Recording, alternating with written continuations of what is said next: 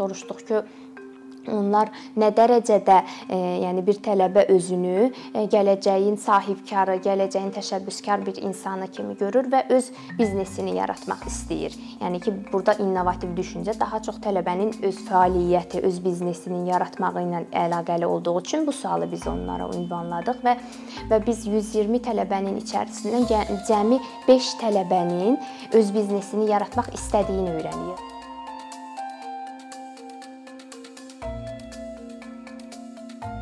Universitet e, biznes əməkdaşlığı universitetlər və biznes müəssisələri arasında biliyin transformasiyasını təşviq etmək məqsədi ilə həyata keçirilən əməkdaşlıqdır.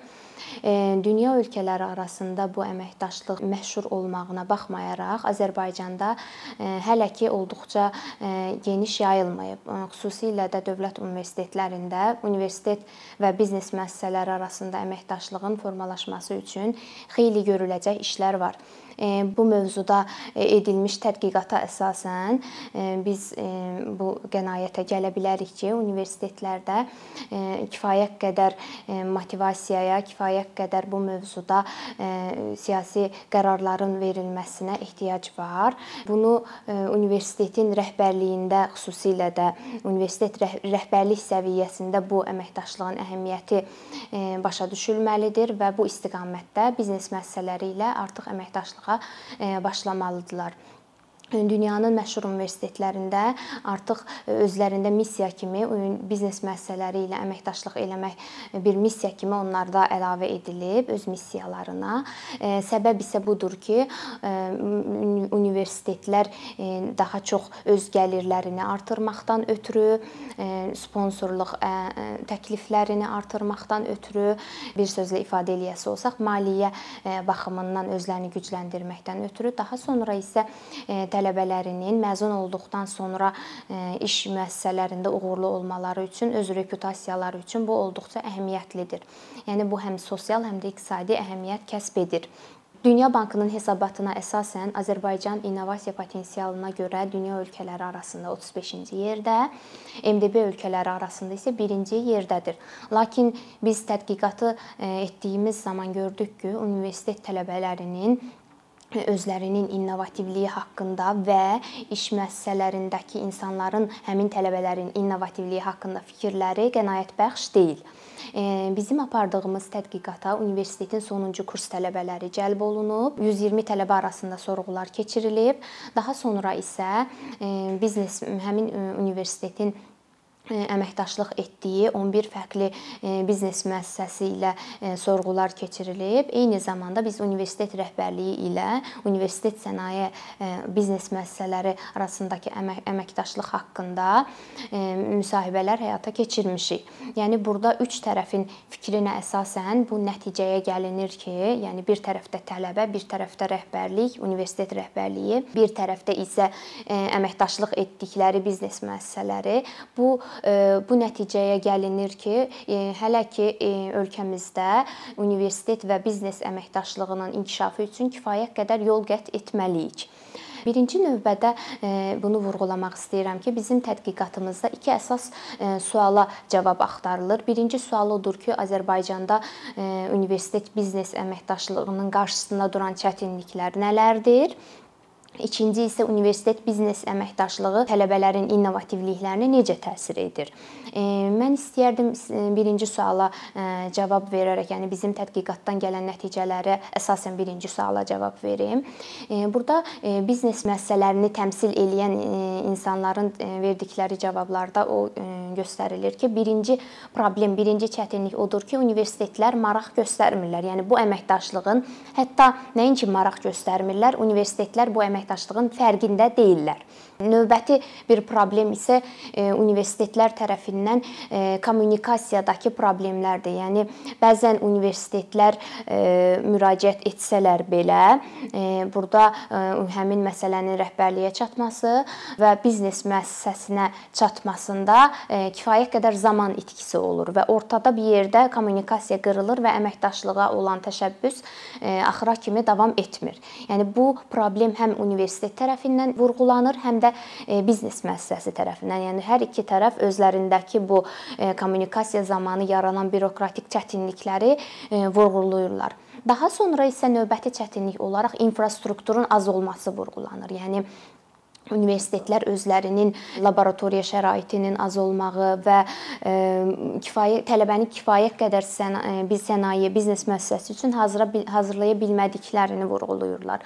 Daha sonra isə e, biznes müəssisəsi isə gələn tələbənin, yəni biz əməkdaşlıq çərçivəsində bizə gələn tələbənin kifayət qədər resursumuz olmadığı üçün geri çeviririk və ya biz əməkdaşlığa ona əsasən qəbul etmirik, rədd cavabı veririk. Yəni bu bunu biznes müəssisələri açıqca etiraf edirlər.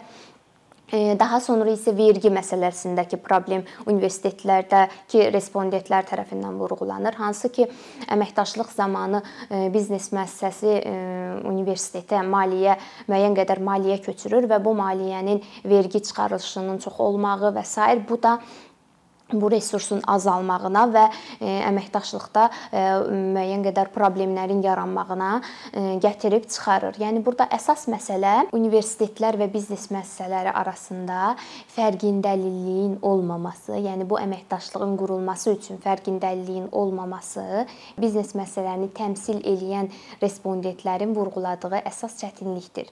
Yəni burada universitetlərin üzərinə düşən əsas məqam universitet daxili daxili fərqindəliyin yaradılması, tələbələrin və müəllimlərin bu əməkdaşlığa cəlb edilməsi üçün kifayət qədər resurs, vaxt sərf etmələridir. İkinci tədqiqat sualına gəldikdə isə e, burada əsas nüans universitetlərin e, hansı yollar ilə e, biznes müəssisələri ilə əməkdaşlıq etmələri və bu əməkdaşlığın tələbələrin innovativ düşüncə qabiliyyətlərinin artırmağına necə təsir etməyi ilə bağlıdır. Burada əsas e, respondentlərin vurğuladığı əsas nüans odur ki, universitet tələbələri e, biznes müəssisəsinə gəldiyi zaman e, kifayət qədər innovativlik göstərmirlər. Yəni təşəbbüskar ruhda gəlmirlər. Onlar daha çox rutin işləri görməyə fokuslanırlar və yeni bir həll yolu təklif etmək marağında olmurlar. Bunun səbəbi isə onlar biznesin problemi ilə biznes müəssisəsinə gəlməmişdən əvvəl e, xəbərdar olmamaqları göstərilir.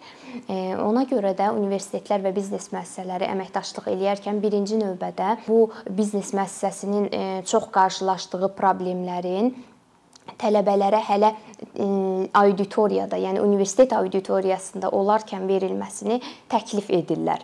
Daha sonra isə sinifdən xaric fəaliyyətlərin olmamağı problem kimi vurğulanır. Yəni sinifdən xaric fəaliyyətlərin universitetlərdə mövcud olmağı tələbələrin təşəbbüskar ruhda yetişməklərinə böyük fayda verəcək. Soruşduq ki, onlar nə dərəcədə e, yəni bir tələbə özünü e, gələcəyin sahibkarı, gələcəyin təşəbbüskar bir insanı kimi görür və öz biznesini yaratmaq istəyir. Yəni ki, burada innovativ düşüncə daha çox tələbənin öz fəaliyyəti, öz biznesini yaratmağı ilə əlaqəli olduğu üçün bu sualı biz onlara ünvanladıq və və biz 120 tələbənin içərisindən cəmi 5 tələbənin öz biznesini yaratmaq istədiyini öyrəndik. Yəni burada daha çox biznesini idarə edilməsi, kompüter mühəndisliyi, hüquq, fərqli ixtisasları təmsil edən tələbələr iştirak eləyirdi, lakin onlardan cəmi 5-i öz biznesini yaratmaq, özünün innovativ ideyasının olduğunu vurğuladı. Digərləri isə hər hansı bir şirkətdə bir işçi olmağı seçdiklərini vurğuladılar. Digər bir sualda isə biz onlara özlərinin kreativ düşüncə və problem həll etmə bacarıqlarından nə dərəcədə məmnun olduqlarını soruşduq və tələbələrin əksəriyyəti tamamilə məmnun olmadıqlarını vurğuladılar və biz e, bu sualı e, tərsinə bir şəkildə biznes müəssisəsini təmsil edən insanlardan soruşduqda isə həmin respondentlər cavab verdilər ki, yəni universitet tələbəsi e, biznes müəssisəsinə gəldikdə kifayət qədər kreativ düşünə bilmir, həll yolları təklif etmirlər problemlərə. Yəni təsdiqlədilər tələbənin bu məmnuniyyətsizliyini. Burada məsələ nədir? Yəni burada elə universitetlərin biznes məsələləri ilə birlikdə işləməməkləridir. Yəni elə məhz bu məsələyə görə bu əməkdaşlıq zəruridir.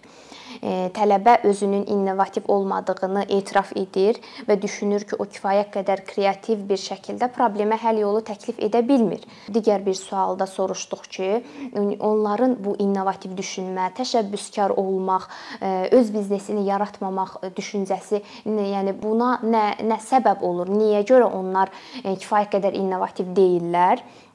Və öz bizneslərini yaratmaq istəmirlər. Tələbələr səbəb olaraq vurğuladılar ki, e, bizdə e, valideynlərin dəstəyi azdır. Yəni bizdə valideynlərimiz daha çox e, gündəlik işçi olmağı, başqasının işçisi olmağımızı daha çox dəstəkləyir, nəinki öz biznesimizi yaratmağı. Yəni tələbə artıq evdə bu bu necə deyirlər, innovativ düşünmək, öz biznesini yaratmaq, təşəbbüskar olmaq fəaliyyətinə artıq birinci e, demotivasiyanı evdə alır. Daha sonra isə onlar universitetə gəldikləri zaman isə kifayət qədər e, resursun olmadığını vurğulayırlar. Yəni həm burada məsələn bir bir biznes ideyası ilə universitetə yaxınlaşdıqda universitetin də həmin tələbəyə dəstək olmamağından e, şikayətlənirlər. Yəni burada daha çox vurğulayırlar maliyyə resursunun az olmağı, Hətta baxmayaraq ki, çox az maliyyə ilə innovativ bir ideya irəli sürə bilərlər, lakin maliyyə az olduğu üçün bunu edə bilmirlər.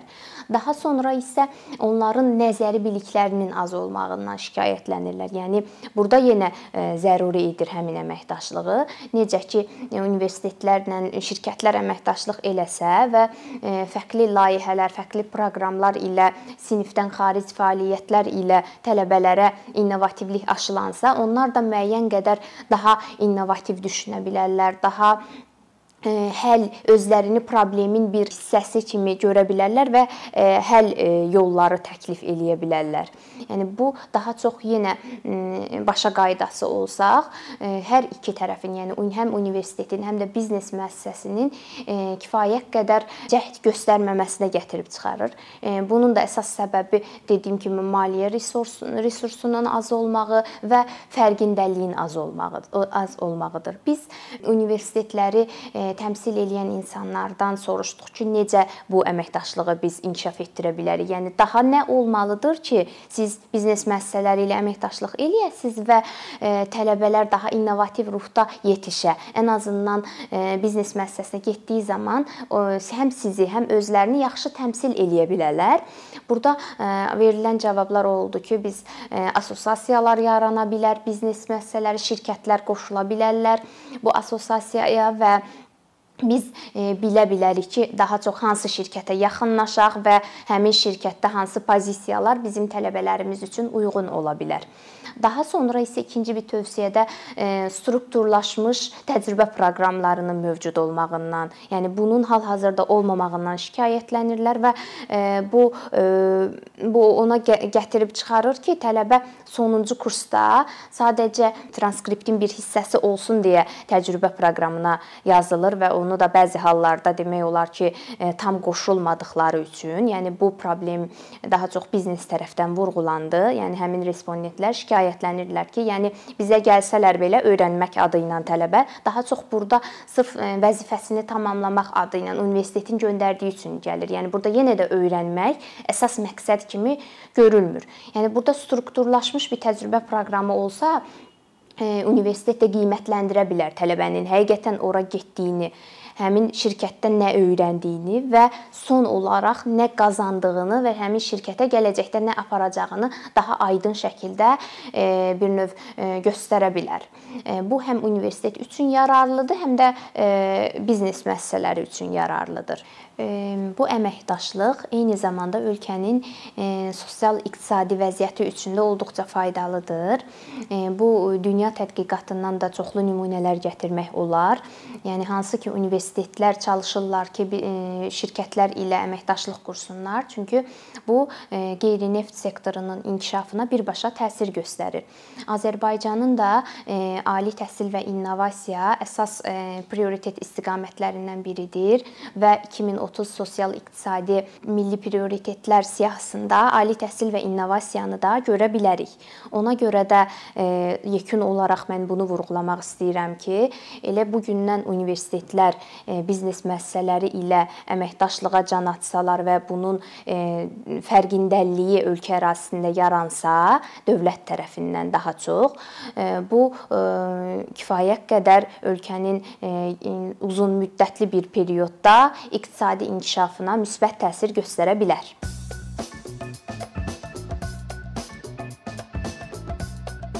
Bir neçə ildir ki, əkinçi olaraq azərbaycanlı izləyicilərin hər zaman faydalana biləcəyi keyfiyyətli və ən əsas ödənişsiz kontent hazırlamağa çalışırıq. İndiyədək təqdim etdiyimiz onlarla animasiya və yüzlərlə çəkilişlər tələbələrin, mütəxəssislərin, müəllimlərin və ümumiyyətlə yeni mövzulardan xəbərdar olmaq istəyən çox sayda insanın marağına səbəb olub. Bu illər ərzində hazırladığımız videolar təhsil, texnologiya, ictimai fəallıq, iqtisadiyyat, gender bərabərliyi, ətraf mühit, ifadə istifadə azadlığı, hüquq, demokratik inkişaf, mədəniyyət və digər mövzuları əhatə edib.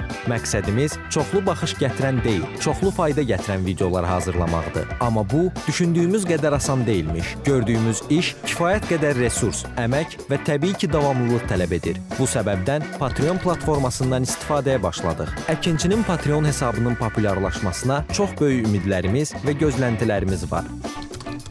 Bəziləriniz Patreon haqqında ilk dəfə eşidirsiniz. Əslində çox sadə izahı olan bir platformadır. Təsəvvür edin ki, siz rəssam və ya musiqiçisiniz. Sosial şəbəkələrdə sizi izləyən, işinizi bəyənən çox sayda insan var. Patreon platforması sizə imkan verir ki, izləyicilərinizin könüllü aylıq ödənişləri sayəsində işinizi davam etdirəsiniz. Sərgi, konsert zallarından asılı qalmayasınız. Amma bu təkcə rəssam və musiqiçilərə aid deyil. Məsələn, əkinçiyə bənzər fəaliyyətlə məşğul olan bəzi layihələrin 10 minlərlə patronu var.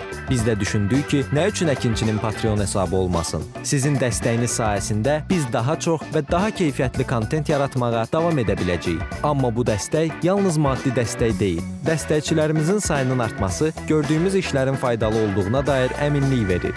Patreon platformasından istifadə çox sadədir. Hesabınızı açırsınız, sizə uyğun dəstək növünü seçirsiniz və Patreon özü hər ayın ilk günü kartınızdan seçdiyiniz dəstək növünə uyğun ödəniş tutur. Bu qədər. Sonda onu demək istəyirik ki, dəstəkçilərin sırasına qoşulmaq istəyən, amma məhdud imkana görə bunu edə bilməyənlər narahat olmasın. Daha öncə dediyimiz kimi, bizim əsas məqsədimiz daha çox insanın hər zaman faydalana biləcəyi keyfiyyətli və ödənişsiz kontentin yaradılmasıdır. Bunun üçün mütləq patronumuz patronunuz olmalısınız deyə məcburiyyət yoxdur. Amma imkanınız patron olmağa çatırsa və bizim işimizi bəyənirsinizsə, patronlarımızın sırasına qoşulmağınız bizim üçün çox önəmlidir.